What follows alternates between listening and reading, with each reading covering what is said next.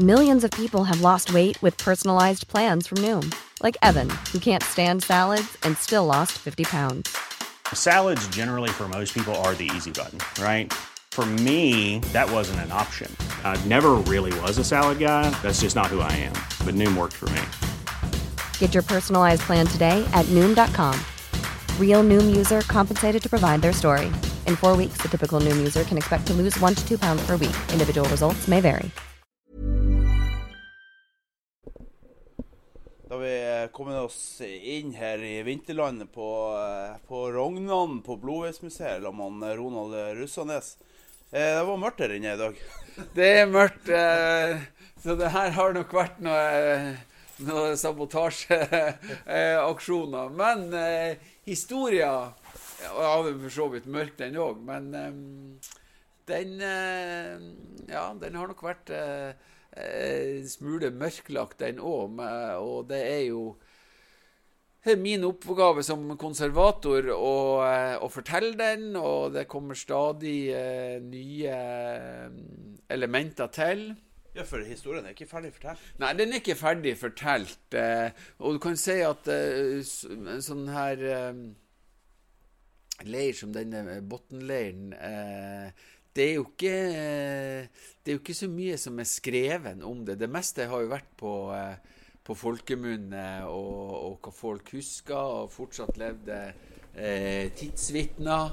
Eh, i, eh, I fjor så var det et eh, jugoslavisk eh, TV-team her. Gjorde opptak med, med to av de tidsvitnene som fortsatt lever i dag. En som heter Tore Bentsen og Magnhild Johansen. Eh, og det er jo en film som eh, vil eh, tro kommer på på, eh, på, mm, på norsk distribusjon i løpet av året. Ok. Eh, og som heter det 'De gode hjelperne fra, eh, fra Karasjok', men som handler om alle disse eh, fem såkalte dødsleirene da, her i Nord-Norge. Herunder også Botn. Ja. Hva var de andre?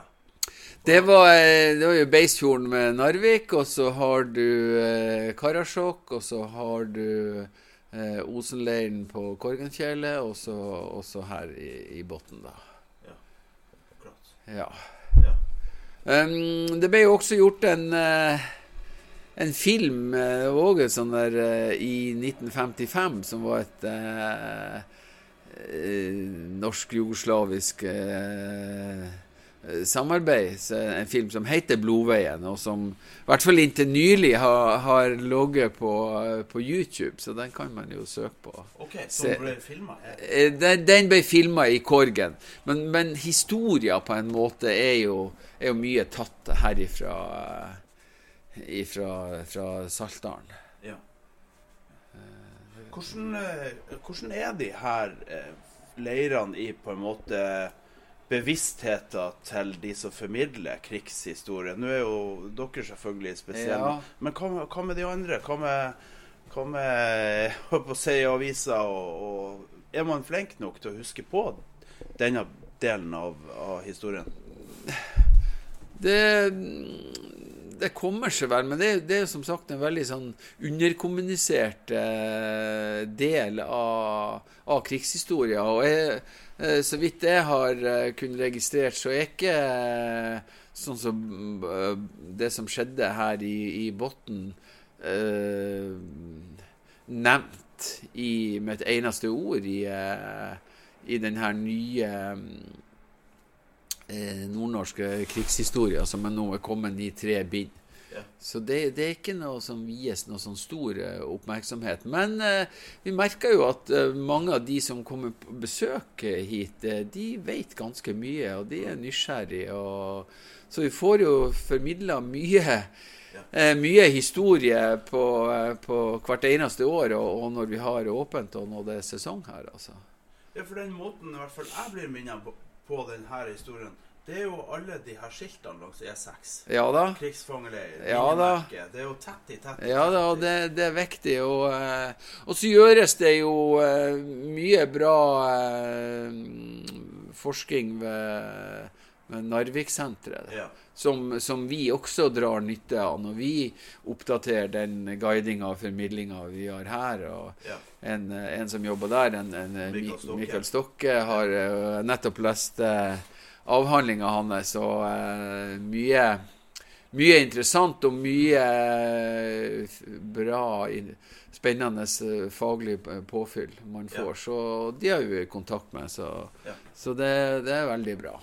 Men eh, tror du at det, det, det, norske bidraget inn i vaktholdet og at det har gjort at man ønsker å, å ikke kommunisere det like sterkt som Ja, det virker sånn. Og, og, også at det har vært mye ullent i forhold til uh, Statens vegvesen og, og deres rolle i uh, både bygginga av fangeleirene og, og at de deltok i veiarbeidet. Uh, men det er klart, også i Statens vegvesen så så var det jo folk som, uh, som reagerte på den behandlinga som fangene fikk, og, og, og, vet jo også at det ble rapportert inn klager til både um, SS og, og Wehrmacht, men selvfølgelig uten at det, det forandra så mye på, på, noen ting. Men det, det, er jo interessant, det som skjer eh, etter at det har vært rein som dødsleir i ett år. Så, så eh, sommeren 43 så eh, sommeren 43, høsten 43, så blir jo SS Eh, vaktholdet bytta ut med, med, vernepliktige tyske soldater. Vil ja. si noen SS-offiserer um, blir igjen her, men, men Og de norske blir bytta ut? Eh, ja, det er et godt spørsmål. Nei, det, det, det tror jeg ikke. ikke. ikke. med det første, i hvert fall. Uh, men etter hvert så blir de jugoslaviske fangene ført over til andre leirer i Saltdalen. Uh, hvor de får det bedre, og det blir uh, For det var ofte kommandanten som bestemte? Ja, det, det, det virker jo som at kommandanten har enorm betydning for, hver, for hvordan forholdene var i den, den enkelte leir. Ja. Og her var det jo en, en kommandant fra børjan av 42-43 som heter Fritz Kiefer. Okay. En eh, dekorert eh, våpensmed fra første verdenskrig. Og som eh, vel personlig skal ha tatt livet av minst 70 fanger som gikk, gikk, gikk rundt med en sånn her Totenslager med en sånn jernball eh, i enden og dælja løs på, på fangene. Men eh, og, men Kiefer blir også tatt, i, tatt ifra her, bytta ut. Han ble ja. først sendt til Oslo, så til Berlin, og så blir han eh, eh arrestert i eh, eh, i 46, og han blir eh, Han overlevde krigen? Han overlevde krigen, og, og, men han blir hengt i Beograd sammen med 16 andre. Klarte de å få, få Ja, da, jeg tror han, ble, han prøvde å menge seg med fanger og sånne ting, ja. men, men, han skal visst ha blitt arrestert nede i Sør-Frankrike i, i, 46 og ble, ja. og ble, da dømt til døden i, i, i Beograd i, i 47. Han, han, eh, kommandanten i, i Osen han ble jo sendt dit mer eller mindre på straff for at han hadde vel drukket. Og sånn. ja, nettopp. Ja. Ja. ja. det var mye rart var, eh, som skjedde, og det ble eh, eh, Han som eh, overtok etter Kiefer, eh, var visst ikke så mye bedre, men da ble det rapportert inn, og han Han ble tatt av, da. Fordi at de, de så nok at eh, med så brutal fremferd så hindra det jo også eh, framdrifta i eh, i arbeidet. De, hvis du får disse veiene ferdig. Ja. Fikk eh, så, så tyskerne eh, annerledes på russerne enn, enn de gjorde på jugoslavene, eller var det, var det kun det at man Eh, både hadde krigsfangestatus og man trengte Ja, altså russerne hadde jo ikke skrevet under på den der Genévekonvensjonen, så de hadde jo ikke eh, krigsfangestatus, eh, de heller. Så, eh, så, igjen, det var nok veldig avhengig av, av hvordan, eh, hvordan, ledelsen var. Ja. Men eh, og, og på de 17 leirene i Saltdalen så var det jo eh, eh, Lenger ut her så var det jo en, en polsk leir på Stamnes. Og, og, det var eh, Og når det, det, freden kom til Saltdalen, og dette skulle organiseres gjennom hjemmefronten og han eh, legen Leif Kreiberg med, med 10 000 fanger og kanskje 2000-3000 tyskere eh, hvordan det her ikke skulle ende i anarki, så var det veldig viktig å, å holde disse polakkene atskilt fra, fra de sovjetiske. Fordi at de polske fangene de, eh, Stalin og Hitler hadde jo delt eh, Polen. Ja. Så de sovjetiske fangene de hata jo eh, Nei, de polske fangene hata jo de sovjetiske like mye som de hata tyskerne. Ja, ja. Så for at ikke det her skulle bli opptøya og sånne ting, så, så var det viktig å, å holde det atskilt. Fikk de en bedre behandling, eh, polakkene? Ja, det, det virka sånn. Ja. Det virka sånn, og eh, Og, og det, det murres, og de kanskje sto litt sterkere, og han eh, legen som jeg nevnte, Leif Kreiberg Ja. eh, Han sier jo at eh, de, de polakkene var eh, da etter krigen var, var på en måte et, et slags sånn problembarn. Eh, fordi at eh, de, de, de kanskje hadde fått litt bedre behandling og, og sto seg litt bedre. altså. Ja. Og i bedre form? Og, Ja, altså, kanskje i bedre form òg. Ja. Men det er klart, når de eh, Når freden kom, og, eh, og disse Sånn som han Odd Mjelde, som lederen for hjemmefronten, han skulle ut til disse leirene. Han kommer til en leir eh, oppe på eh, ja, oppe i Varghøla, oppe i Bergårdnes, og da får han eh, eh, beskjeden får vite at det er en, eh, en sovjetisk fange som har fått tak i et maskingevær. Og han skal jo skyte alle tyskerne han kommer over. Så eh, han Mjelde der, han sier bare til han Nei, må vi ta det litt med ro her. Det kommer forsyninger. Det kommer medisin. Det kommer eh, såpe. Det kommer klær. Eh, og det kommer norske vaktstyrker. Ja. Så eh, ja, så de hadde nå en tolk med seg der, og, og en av de sovjetiske fangene hadde bare sagt ja, men eh, eh, med tyskerne, hva skal vi gjøre med dem? Eh, Mjelde var ikke helt forberedt på det spørsmålet, men han svarer bare vi skal sette dem på veiarbeid. Og det var tydeligvis innafor, for da roa det seg. Ja, og det ble også gjort. Mange, mange tyskere ble, ble sett på veiarbeid, og de, eh, det var de veldig komfortable med. Fordi at da var de på en måte i en litt sånn lukka sone. Da var de beskytta. Ja. For det var ikke trygt for uh, tyskerne om de kom gående langs veiene her i Saltdalen, og så traff de på uh, uh, tidligere fanger. Så, så kunne de jo bli både kasta på elva og, og det, som, det som verre var. Ja. Så det er klart, det var, det var enormt spent, og det var jo, det var jo disse store sovjetiske transportskipene som kom til eh, Rognan her, og kom til Sørfold i Medgården og, For å hente? for å hente dem. Og skipa dem opp til noen til Narvik, så tok de toget gjennom Sverige eh, hjem, eh, eller, eller opp til Murmansk. Og det er klart Vet du hva som skjedde med dem? Nei, man, i, det var jo en del av propagandaen eh, under den kalde krigen på 50-tallet at de fleste ble eh, eh, på en måte ja, eh, sendt rett i Stalins klør, fordi at Stalin eh, definerte eh, alle som hadde blitt tatt til fange, eh, som desertører. desertører.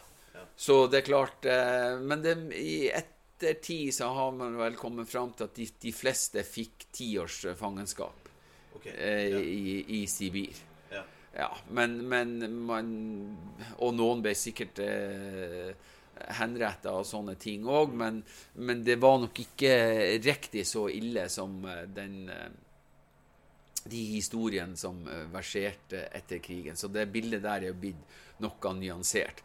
Men det er klart at det var, en, det var en veldig uro blant de sovjetiske fangene for hva som skulle skje. Ja.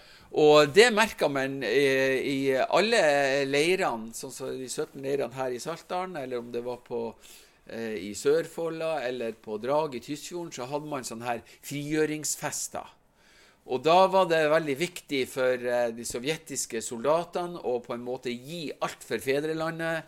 Man, eh, man laga sånn slagord for Stalin, og man syngte nasjonalistiske sanger, fedrelandsdikt, for å vise at eh, ja, men vi står på rette sida her. Ja. Eh, vi har gjort så godt vi kunne. Og eh, den norske legen Leif Kreiberg, han eh, Han tar eh, affære med en eh, sovjetisk general. Det er vel på Mo, en som heter Krikov, tror jeg. Eh, som, eh, som hadde, som hadde snakka til disse tidligere fangene da, på en veldig sånn nedsettende måte. At dere er, dere er egentlig ikke verdt noen ting.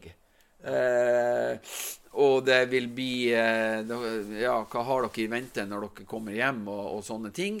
Og da hadde Kreiberg sagt eh, disse folkene har tross alt gitt alt. Både for Norge og for, og for, eh, for Sovjet. eh, og de skal behandles med respekt. Eh, og Kreiberg vil, vil ikke ha ett ord til fra han Fra han øversten der. Det, det, var ikke, det var ikke aktuelt, altså. Eh, så der var jo igjen en sånn der Sikkert en konflikt der eh, sånn eh, overordna fra den sovjetiske armeen blir snakka til på den måten. Det kan man Ja. tenke seg til var, var sikkert eh, ganske sterk kost. Og var bein i nesen på Ja, det var veldig bein i ne- nesen på han Kreiberg. Og, eh, og Kreiberg var jo eh, veldig interessert i film og i foto. Og antagelig har han fått tak i et, eh, eh, et tysk filmkamera.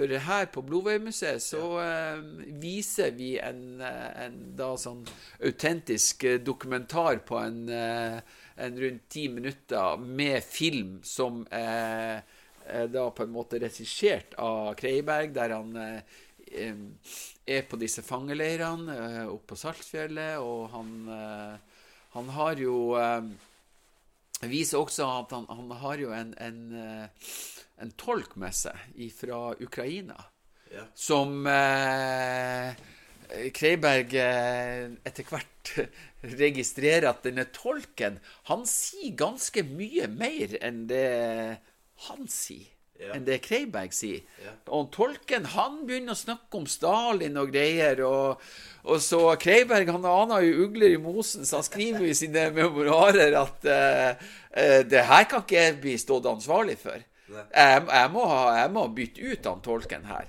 Ja.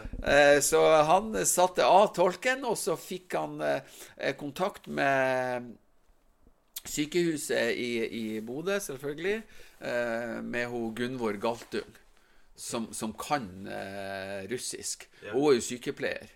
Så hun eh, blir da med han på disse, alle disse inspeksjonsrundene han har, for å eh, kartlegge helsetilstanden, hva trenger de av medisiner og sånne ting. Ja. Eh, eh, og og eh, han er veldig fornøyd med henne. Men hun eh, får jo ei anna historie etter hvert. Hun forelsker seg jo en russisk soldat, og, og hun kommer til Moskva etter hvert, og da, da sitter hun jo i klørne. Da, da presser jo eh, myndighetene at enten så, så gjør du som vi sier, eller så sender vi den eh, Det var jo til og med en gift mann, så sender vi han rett til Sibir, og da er han ferdig. Så, Ja. Så det, det var nå én skjebne, men eh, det, det er nå egentlig ei anna historie. ja, det Var hun fra Bodø? Nei da, det var hun ikke. Eh, en som eh, han, han var jo sørfra. Og, og en, en annen som, eh, person som er, er viktig i organiseringa av freden, er jo eh, han som var leder for hjemmefronten i Saltdalen, som heter Odd Mjelde. Og han var jo egentlig fra Bergen. Han eh, hadde Da tyskerne tok eh, Norge 9. april, så ble han jo fort involvert i, i motstandskamper i, i Bergen. Han ble eh, arrestert, satt i tysk fangenskap i to år. Eh, kommer tilbake til Bergen. Eh, eh, blir innrullert i Kompani Linge i England. Og så blir han sendt nordover, og er da her i Saltdalen i hvert fall fra høsten 44. Han blir også leder for eh, en av disse såkalte CEPAL-gruppen, som eh, den eh, han, han, politikeren Kyllingmark, Håkon Kyllingmark, han etablerte jo sånn tre sånn CEPAL-grupper, som var sånn sabotasjegruppe på svensk side. Eh, med corporating med amerikanske myndigheter, engelske eh, Der man skulle drive sabotasjeaksjoner i eh, Norge med med baser fra Sverige, fra, fra Kiruna, fra Bjørnevatn og her oppe i Graddis uh, i Saltdalen. Så, så Mjelde der, han sprenger nå bl.a. ei ferge som tyskerne bruker. og uh, ha har helt ville historier på fjellene her, og hvordan han kommer seg unna. Um, boka hans 'Erindringer', så gitt ut av hans døtre, den kom bare for et i 2020. Så den, eh, den, er veldig interessant å lese, i hvert fall eh, for oss saltdalinger. Ja. Så han eh, forteller jo at eh, når freden eh, kommer til Norge i mai i, i 45, så er han oppe i Graddis, opp mot svenskegrensen, tilknytta den sabotasjegruppa si. Og så får de eh, en, eh, en, telefon opp dit eh, at eh, Ja, nå har tyskerne kapitulert. Du kan ta med gruppa deres, og så kommer dere ned hit til, til bygda. Men, men, vær forsiktig når dere kommer til Junkerdalen. Der er det tyske eh, sånne her eh, artillerigrupper med mitraljøse. Det er ikke sikkert de har fått beskjed. Eh, at tyskerne har kapitulert. Og, eh, så Mjelde han går nå med sin uh, lille gruppe uh, ned til Junkerdalen, og riktignok, ja, tyskerne har fått beskjed, så der står de jo med, med sine mitraljøse og skal, skal uh, skyte løs på dem. Da tar han eh, sin stengun, og så tar han et hvitt lommetørkel, og så har han det opp i lufta, og så går han mot den tyske kommandanten, og eh, Mjelde kan jo tysk. Ja. Så han snakker på tysk og sier at dere har eh, kapitulert. Det er bare å legge ned våpnene. Uh, han tyske kommandanten blir jo ganske forfært, så ja, han sier jeg må ta en telefon her ned til Pottusleiren og høre hvor det, hvor det her ligger an. Ja. Så Mjelde han sier det er de to lengste minuttene hans i hele sitt liv. Enten ble de likvidert på stedet, eller så ble de erklært for seierherrer, og de kunne gå ja. videre. Og det, det siste skjedde. Ja. de fikk, fikk et nølende jawohl på telefonen, og da, da, da, var, da var freden også kommet til Junkerdalen. Ja. Og da blir jo eh, eh, Mjelde igjen her i, i, eh, i Saltdalen eh, den eh, sommeren i 45 og, og med på å organisere ro og orden i, i disse leirene. Og han, eh, han, skryter jo veldig De fleste leirene er jo, er jo sovjetiske fanger. Det er jo som regel 500 i hver leir. Og han skryter veldig av de sovjetiske soldatene sin eh, evne til å ta Ha orden og disiplin og rent og god mat i, de, disse leirene. Ja. Så, så det, det, går egentlig mye bedre enn de hadde frykta. Uh, og de siste ikke sant? I'm Sandra, and I'm just the professional your small business was looking for. But you didn't hire me because you didn't use LinkedIn jobs. LinkedIn has professionals you can't find anywhere else, including those who aren't actively looking for a new job but might be open to the perfect role, like me. In a given month, over 70% of LinkedIn users don't visit other leading job sites. So if you're not looking on LinkedIn, you'll miss out on great candidates like Sandra. Start hiring professionals like a professional. Post your free job on linkedin.com/people today. Millions of people have lost weight with personalized plans from Noom, like Evan, who can't stand salads and still lost 50 pounds. Salads generally for most people are the easy button, right? For me, that wasn't an option. I never really was a salad guy. That's just not who I am. But Noom worked for me. Get your personalized plan today at Noom.com. Real Noom user compensated to provide their story. In four weeks, the typical Noom user can expect to lose one to two pounds per week. Individual results may vary. Freden kommer i mai, og de siste soldatene eh, blir jo ikke skipa ut før i september. Eh, mens for de tyske soldatene som er i Saltdalen, så går det jo enda tregere. Og, og, noen av de som eh, liksom skal da sendes til eh, Øst-Tyskland, til DDR eh, eh, De blir jo ikke De blir ikke sendt dit før i 46. Ja. ja. Så det er klart Det Og mellom de her sovjetiske Hvor bodde de på de leirene? Ja, da bodde de i leirene. Så da ble de fanga sjøl? Ja, de ble jo på en måte det. I, i, og, og, og, tyskerne har jo hatt mange sånne verksted i bygda. Med skomakerverksted, snekkerverksted, eh, skreddere Og alt dette utstyret som, som tyskerne hadde hatt eh, i sine verste, det ble da plassert ut til disse leirene. Og ja. dermed så laga eh, fangene massevis av sånn påfugler, de laga skrin, de laga sånn sigarettetui som de for rundt på, eh, på gårdene og, eh, og, og bytta. Eh, så det ble en sånn økonomi i det. Så tyskerne gjorde det samme som sovjeterne? Eh, nei da. Ja, nei, men tyskerne de, de var med veiarbeidere. Det var jo sovjeterne som drev og laga alle disse eh, skrinene og Så det ble laga etter krigen? Mesteparten ble det, ja. For jeg lurte litt på Hvordan i all verden har de klart å få så mye fin nei, maling? Og... Nei, nei de, de, fikk nok en del uh, utstyr. Men det var helt utrolig. De, de, de, de laga jo sånn der uh, balalaika-gitarer ja. av telefontråd. Så den var jo ganske kreativ. Ja. Det, det, når det gjelder alle disse tingene som de laga og det, det, var jo ikke bare her i Saltdalen, det, det, ble jo laga over hele landet der det var fangeleirer. Så vet jeg bare om én leir, eh, Russanesleiren. Eh, der var det en eh, Det er der du er ifra? Der er jeg ifra. Ja. Og der var det en leir, og der var det i utgangspunktet en kommandant som var eh, eh såpass human at de som var nabo, en nabogård til denne leiren, de fikk lov, og der fikk fangene lov å legge inn ting de hadde laga. Mm. Eh, og så la eh, lokalbefolkninga et stykke kjøtt eller noe som var spiselig. Eh, når de gikk forbi leiren der, så, så eh, peka fangene bare på munnen. Ja. Hvis noen som gikk forbi der. Så, det, så da, da det ble den en sånn der det Stabburet ble en slags eh, butikksentral for det de laga. Men der ble han eh, kommandanten der Han ble jo selvfølgelig eh, Han ble jo fjerna. Oh, ja. Og da ble det satt inn en, en annen, så da var, det, da var det slutt med det.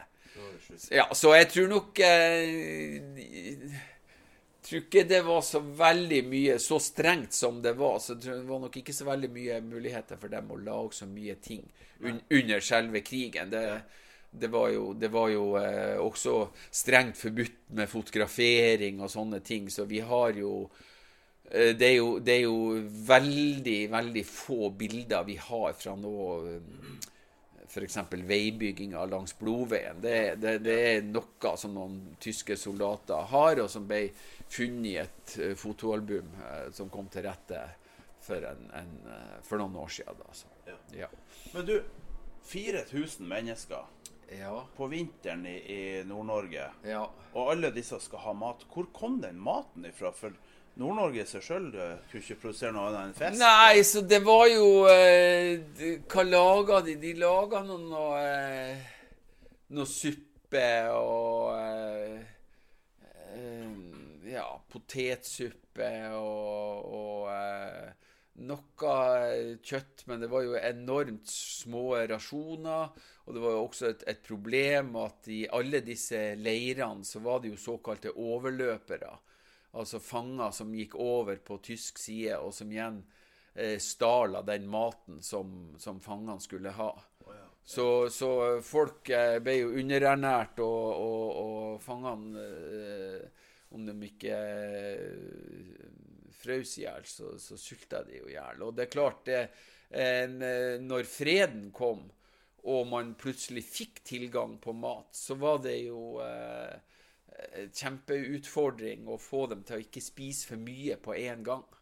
Og det var, jo, det var, jo, ikke alle som, som tålte uh, den overgangen.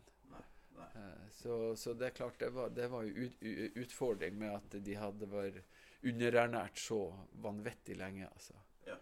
ja. Du har jo snakka om eh, jugoslaviske krigsfanger. Vi har eh, snakka om både tyske og russiske og polske. Ja. Var det noen flere nasjonaliteter som uh, var i uh, leirene her? Som du vet om? Ikke Ikke i Saltdalen. Det, det, det tror jeg ikke. Men det er klart, fra de, de sovjetiske så var det jo eh, fra alle mulige slags kanter ja, ja. Av, av, av, sovjetiske fanger som var der. Fra uh, Ukraina, fra Russland, fra Kaukasus og ja. ja. Så det er klart, det er mange, mange nasjonaliteter samla sett, da. Mm. Og det er klart, eh, hvor mye folk bodde i Saltdalen under krigen? Kanskje sånn 2500, og så, og så plutselig så har du 10 000 fanger her. Så um, det, det gjorde nok ganske dominerende og, og, kraftig inntrykk på, på, det som var. Og, og, men som sagt eh, Og det, det er jo skrevet eh, er viktige bidrag som eh, bl.a. fra eh, I ettertid fra, fra, de som var barn under krigen. Eh, som, som, har skrevet ned sine fortellinger, som, mm. som er samla i Saltdalsbøkene. Eh, Odd Mjelde har jo nevnt. Leif Kreiberg. Eh, det var også to av de eh, eh serbiske eh, fangene som har skrevet bøker. Han, eh, en som het Jovanovic, som har ei bok som heter 'Flukten til friheten', er det vel. Eh, og eh, Ja, det er to Nei, nå ble det ble, vekke. Det der, der, der, kan jeg ta senere. Eh, men det er to bøker som er skrevet av, av to som, som flykta. Ja. Eh, det, det, skal vi gå Hvis jeg får til å slå på lyset på Uh, for, det, for, det, er litt viktig. Fordi at de der bøkene uh, De finnes hvis man går inn på uh,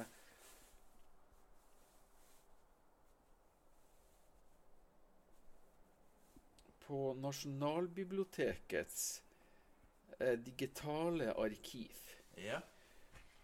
og det, det, de er jo dritviktige kilder, altså. Uh, skal vi se Der. Der, der er jo ei lommelykt. Skal ikke den komme på, da? Jeg holder den inne. Ja, kanskje det. Nei, vil han ikke Der har du Der. Der har du. For, det, for jeg har lyst til å si litt, bare litt ja. om, om de to bøkene der. Ja. For det er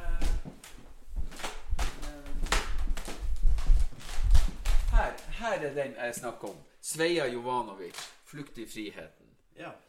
Og så er det han eh, Ostaja Kovacevic. Den her porten som står her med Den er original. Hvor han er Fra fangeleiren i, eh, i Botn. Okay. Eh, så når de skulle lage krigsmuseum her. Ja. så eh, Ja, så var det noen som sa at Men eh, Porten til én eh, times frihet. Okay. En times frihet, og den het Porten til frihet. Ja. Eh, jeg kan fortelle om den porten. Hva er det, er det Rigel du har her? Nei, det er det er Sevre. Det, det, som kom, det som kom med de 473 eh, Ja, står 463 der. Ja. Ja. Akkurat. Du, hva, eh, hva som skjedde med de, de serbiske som, som overlevde her til 43? Ble Ja. de flytta? De ble flytta hit, til, eh, til en leir lenger eh, eh, sør i Saltdalen, til den såkalte Pottusleiren. Og det her bildet er jo tatt i 44, så det ser du Ok. at eh, de ser jo egentlig ganske bra ut. Ja, de så Der, eh, der har de fått, eh, fått det bedre. Okay. Og han eh, Hva, har skjedd? eh? ja, det, det er et godt spørsmål. Fordi at Hva er det som skjer sommeren eh, 1943? Jo, da hadde jo noen av disse eh, fangene klart å rømme. Ok. Eh, både fra eh, ikke sant, fra Beisfjorden, som dette bildet er, Ja. eh, ifra Botn. Og når disse fangene rømte over til Sverige, Ja. så ble de jo eh, intervjua av svensk presse. Så kommer disse historiene ut i verdenspressen Oi, oi, om en eh, i Beisfjorden der, eh, eh, der en fange eh, hadde blitt eh, mistenkt for tyfus, Ja. og de henretta 70 på én dag. Sa ja. Samme skjedde i, i Botn. En fange ble mistenkt for, for å ha eh, sykdom eh, som var smittsom, og de, sk de skjøt 30 på én dag. Ja. Eh, så når disse fangene da eh, rømmer, blir intervjua av svensk presse, så kommer det Sveitsisk Røde Kors eh, engasjerer seg. Eh, det kommer på i, eh, i eh, sveitsiske aviser. Det kommer også på førstesida i New York Times. Okay. Og dermed så får eh, kombinasjonen av at tyskerne ser at det, det her er mm, dårlig bruk av SS-folk går, går eh, rundt og eh, skyter dødsdømte fangene på disse veianleggene. Ja. Det gjør jo også at de her eh, eh, veianleggene eh, Framdriften blir dårlig, så eh, Wehrmacht blir satt inn. En jugoslavisk lege får også, sånn som her i Botn, får komme inn i leiren. Um, så det neste året fra Der det var 300 som døde første året, Mm. eh, fra 43 til 44, så er det vel tre som dør. Ok. Ja. Og, og som sagt Disse fangene som rømmer En av de som rømmer, er han Ostaja Kovacevic. Ja. Eh, Etter krigen så skriver han ei bok som heter eh, 'Ett minutts eh, frihet'. Som man finner hvis man går inn på eh, Nasjonalbibliotekets digitale eh, arkiv. Men, eh, var det den én time? Ja, én time i frihet, ja. ja, det- ja. Eh, og han eh, Kovacevic han er jo tilbake her i, i Saltdalen på, på eh, 50-tallet. Eh, kapittel nummer 14 i den boka, da, det er liksom selve fluktkapitlet. Da han og en kompis de opp disse bratte fjellene fra fangeleiren i Botn, over i, eh, mot Sulitjelma, inn og, eh, hytte, eh, inn til eh, Mavas på svensk side, der de blir tatt imot av, av samene som bor der. Det kommer et sjøfly og henter dem, flyr dem over til Arjeplog, til han doktor Valkvist lasarett i Arjeplog, og så, og så er de på en måte berga, da. Ja. Så eh, veldig dramatisk historie og veldig eh, eh, vitnesbyrd om, om de Og han skriver jo om forholdene i leiren, og, og eh, veldig reflektert, god bok. Ja. I eh, 1982 så ble det en eh, konkurranse i eh, Jugoslavia om å skrive den eh, beste fortellinga fra de som hadde vært fanga i eh, Norge under eh, andre verdenskrig. Oh, ja. Og eh, han Sveia Jovanovic, eh, han eh, leverte da manuset til ei bok som heter 'Flukt til friheten', og vant den konkurransen. konkurransen. Og han Sveia han hadde vært i eh, både oppe i eh, Karasjok, og så ble han sendt hit til Pottusleiren, Ja. og så ble han sendt eh, til Saltfjell, eh, til, Stødd i en av leirene på Saltfjell. Ja. Og han, eh, i den boka der, så er det mange eh, Ja, det er grenseloser, det er lo- eh, lokale eh, folk i Saltdalen som intervjua, mm, forholdene i leirene. Eh, også en veldig god sånn reflektert og, og god bok. Og den finner man også hvis man søker på Nasjonalbibliotekets digitale arkiv. Ja. Eh, 'Flukt til friheten'. Eh, en ting som vi har som autentisk eh, her på Blodveimuseet, er jo denne galgen som sto eh, utafor leiren i Botn. Nei, galgen. Ikke galgen, men, men eh, porten. Men ved sida av denne porten så sto det en galge. Ok. Eh, Og han kommandanten eh, Kiefer han var nøye med at alle som rømte, uansett om de overlevde eller ikke, de skulle henges i denne galgen. Oh, ja. Og levde de fortsatt? Det var jo ofte eh, familier, onkler, sønner, eh, fedre som var i disse eh, samla i disse leirene. Da var han, Kiefer veldig nøye på at eh, hvis det var noen som levde, som ble hengt opp i gang, eh, galgen, så var det viktig at en, en far eller en onkel eller en bror som skulle da trekke i, eh, i repet. Så, så ganske sadistisk eh, gjennomført. Så denne porten her, den er jo da også et viktig tidsvitne. Ja. Hadde, hadde de med seg Når det var Vegvesenet som bygde, men Ja. fikk de material ferdig produsert fra Tyskland, eller? Mm, det er ikke godt å si. Jeg vet jo bare at eh, når det gjelder disse De her eh, brakkene, så var jo de eh, som fangene bodde i, sånn som på, på Saltfjellet og sånn, så var jo de eh, produsert i, i Sverige. Oh, ja. Ja, og, og, og, og frakta over hit. Svenskene gjorde seg gode penger. Ja da, det var litt av hvert. Her ser vi litt av det, av det som eh, De har laget, ja. Som de laga. Ja. Det er også malerier. Helt eh, vanlig. Eh, Her er en uh, liten uh, en kopi. Nedre Ja. Sundby. Ja, Nedre Sundby fangeleir. En som heter Per Pettersen, og en som heter Leif Høgland, som laga denne modellen. ja. Her står det sovjetiske fanger. ja, det var so det sovjetiske fanger. Så det var sovjetiske allerede i 42? Eh, ja da, det var det. Okay. Eh, for da skjøt jo jernbanebygginga eh, fart. Så du kan si med, med Egentlig med alle leirene som var tilknytta jernbanen, så var det jo eh, sovjetiske fanger.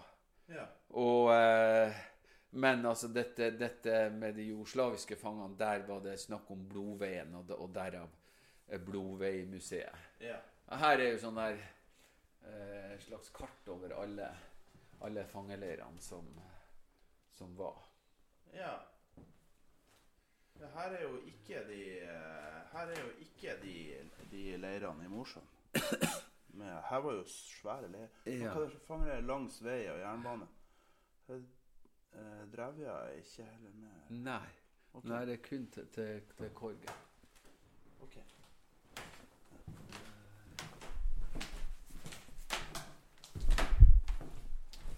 Her har vi eh, har du fangekort. Ja, det, det er fangekort, du kan si, og det er av sovjetiske fanger. Du, altså det var jo eh, fanger som ikke betydde noen ting eh, for de tyske okkupasjonsmaktene. Det som betydde noe for dem, var jo Ordnung Mosains, og alle eh, fangene ble da utstyrt med, med disse identifikasjonskortene hvor det står eh, hvor det er bilde, hvor det står navn, eh, familie, religion, hvilken fangeleir eh, de har tilhørt, eh, når de er født, og når de døde.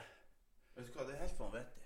Det er, det er helt sinnssykt. Så det her har vi fått eh, i gave fra et arkiv i Moskva før Ukraina-konflikten.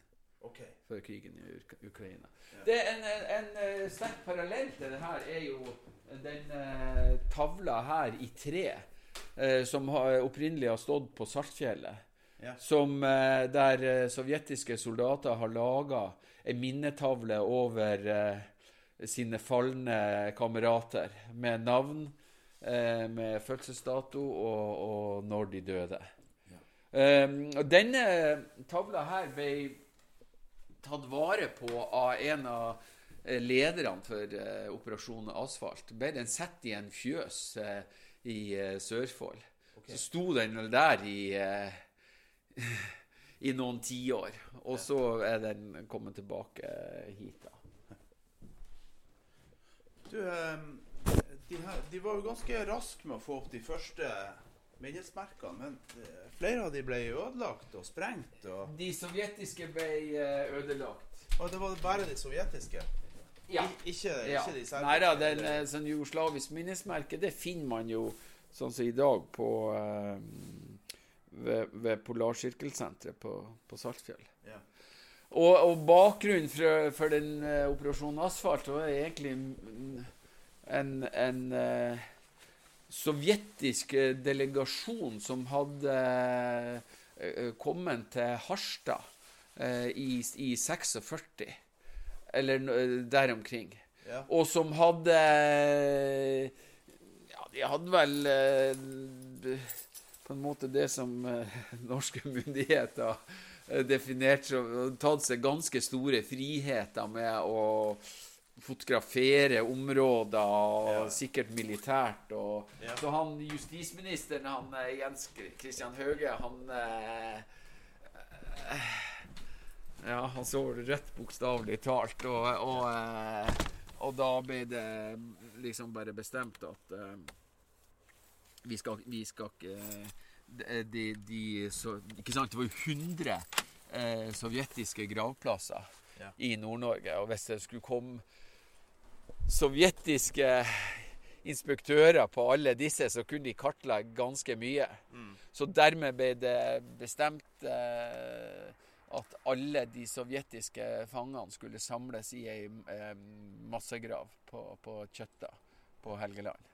Men det er klart det var en ganske sånn makaber eh, operasjon der, eh, der de som eh, tok vare på disse likene, fikk betalt per eh, hodeskalle omtrent. Og så ble de samla i sånne her eh, asfaltsekker og sendt med skip til Kjøtta, med Ja. strengt bevokta militært og Ja.